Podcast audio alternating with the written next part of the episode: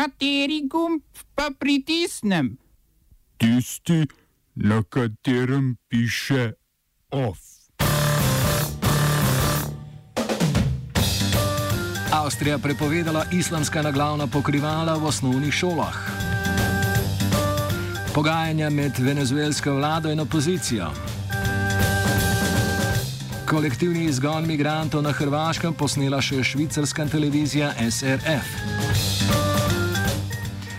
Koalicija bi v demografski sklad prenesla portfeljske naložbe države. Otvoritev mednarodnega festivala Svetlobna Gverila.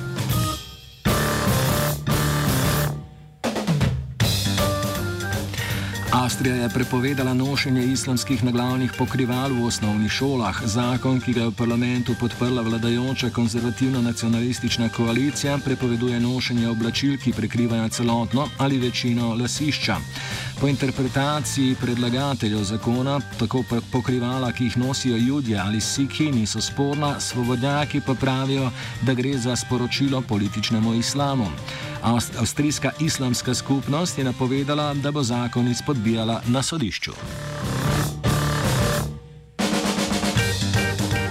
Pri diskriminatornem početju so bili zasačeni tudi južni sosedje. Švicarska televizija SRF je posnela izgon skupine migrantov iz Hrvaške preko zelene meje nazaj v Bosno in Hercegovino. Migranti so kasneje povedali, da so želeli zaprositi za azil, a jim hrvaška policija tega ni omogočila. To vrstni kolektivni izgoni so po mednarodnem pravu prepovedani, saj je vsak prosilec za azil upravičen do individu individualne obravnave. Poleg tega mora biti vsako vračanje oseb izvedeno v okviru uradnega postopka v sodelovanju z varnostnimi organi države sprejemnice.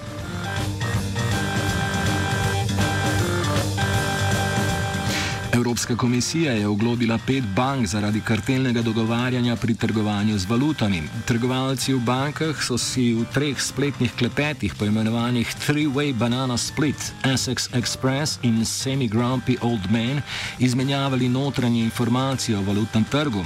Kazen v skupni višini 1,1 milijarde evrov je še zadnja nanašajoča se na omenjene scheme. Regulatorji v Združenem kraljestvu, ZDA, Švici in Singapurju so vključene banke banke še oglobili za več kot 10 milijard evrov, obetajo se še očkodninske tožbe oškodovanih trgovcev z valutami. Pogajalci venezuelske vlade in opozicije so prispeli v Oslo, kjer potekajo pogovori o rešitvi politične krize v državi. Istočasno se v Karakasu mudijo predstavniki tako imenovane mednarodne kontaktne skupine, ki jo sestavlja osem evropskih in štiri latinskoameriške države, s ciljem najti politični kompromis. Na Kubo je priletela kanadska zunanja ministrica. Pogovori bodo tekli o venezuelski krizi in kanadskih investicijah na otoku.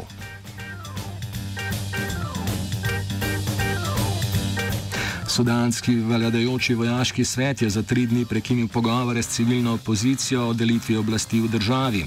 Potem, ko sta se vojska in opozicija dogovorili za triletno prehodno obdobje prenosa oblasti v civilne roke, je vojska skušala porušiti barikade v centru Kartuma in pri tem ranila več ljudi.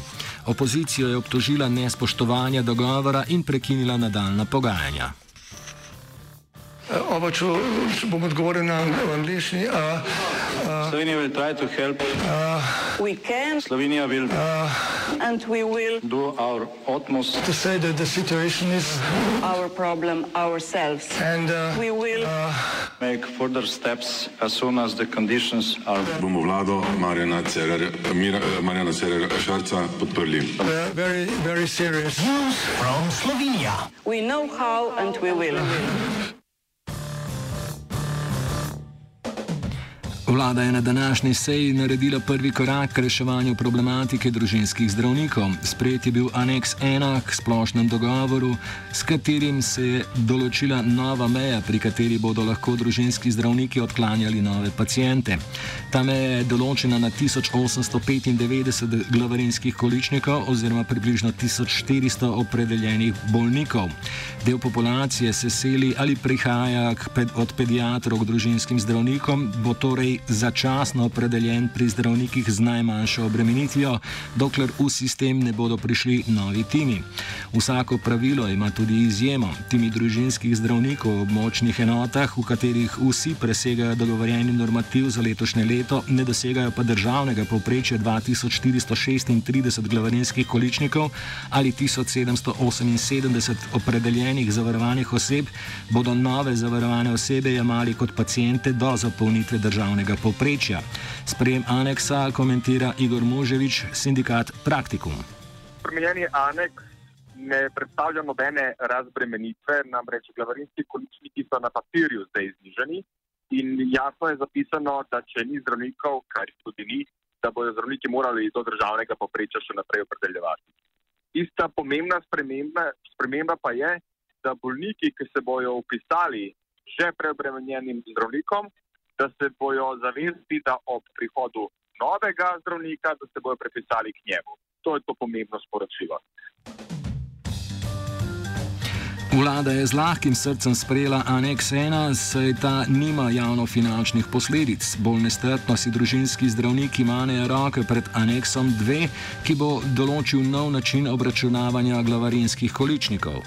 Gre za to, da bodo te številke v aneksu številka ena ostale na papirju, če ne bodo realizirali obljube iz tega aneksa, da bodo spremenili obračunski model. In to je zelo nedorečeno, kaj to pomeni. Tisto, kar bi to moralo pomeniti, je, da bojo zagotovljena sredstva za zaposlovanje novih timov. In to je tisto bistvo, ki ga bomo videli, v katero smer gre v prihodnjem tednu.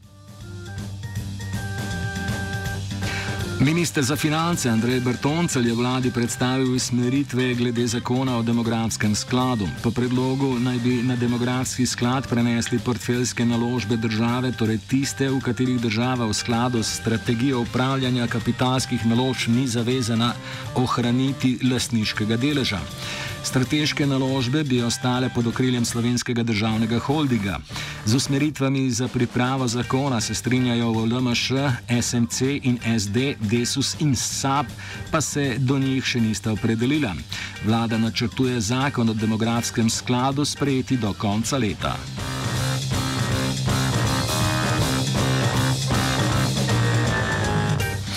Off sta pripravila Twitter in Zupan sledijo kulturne novice.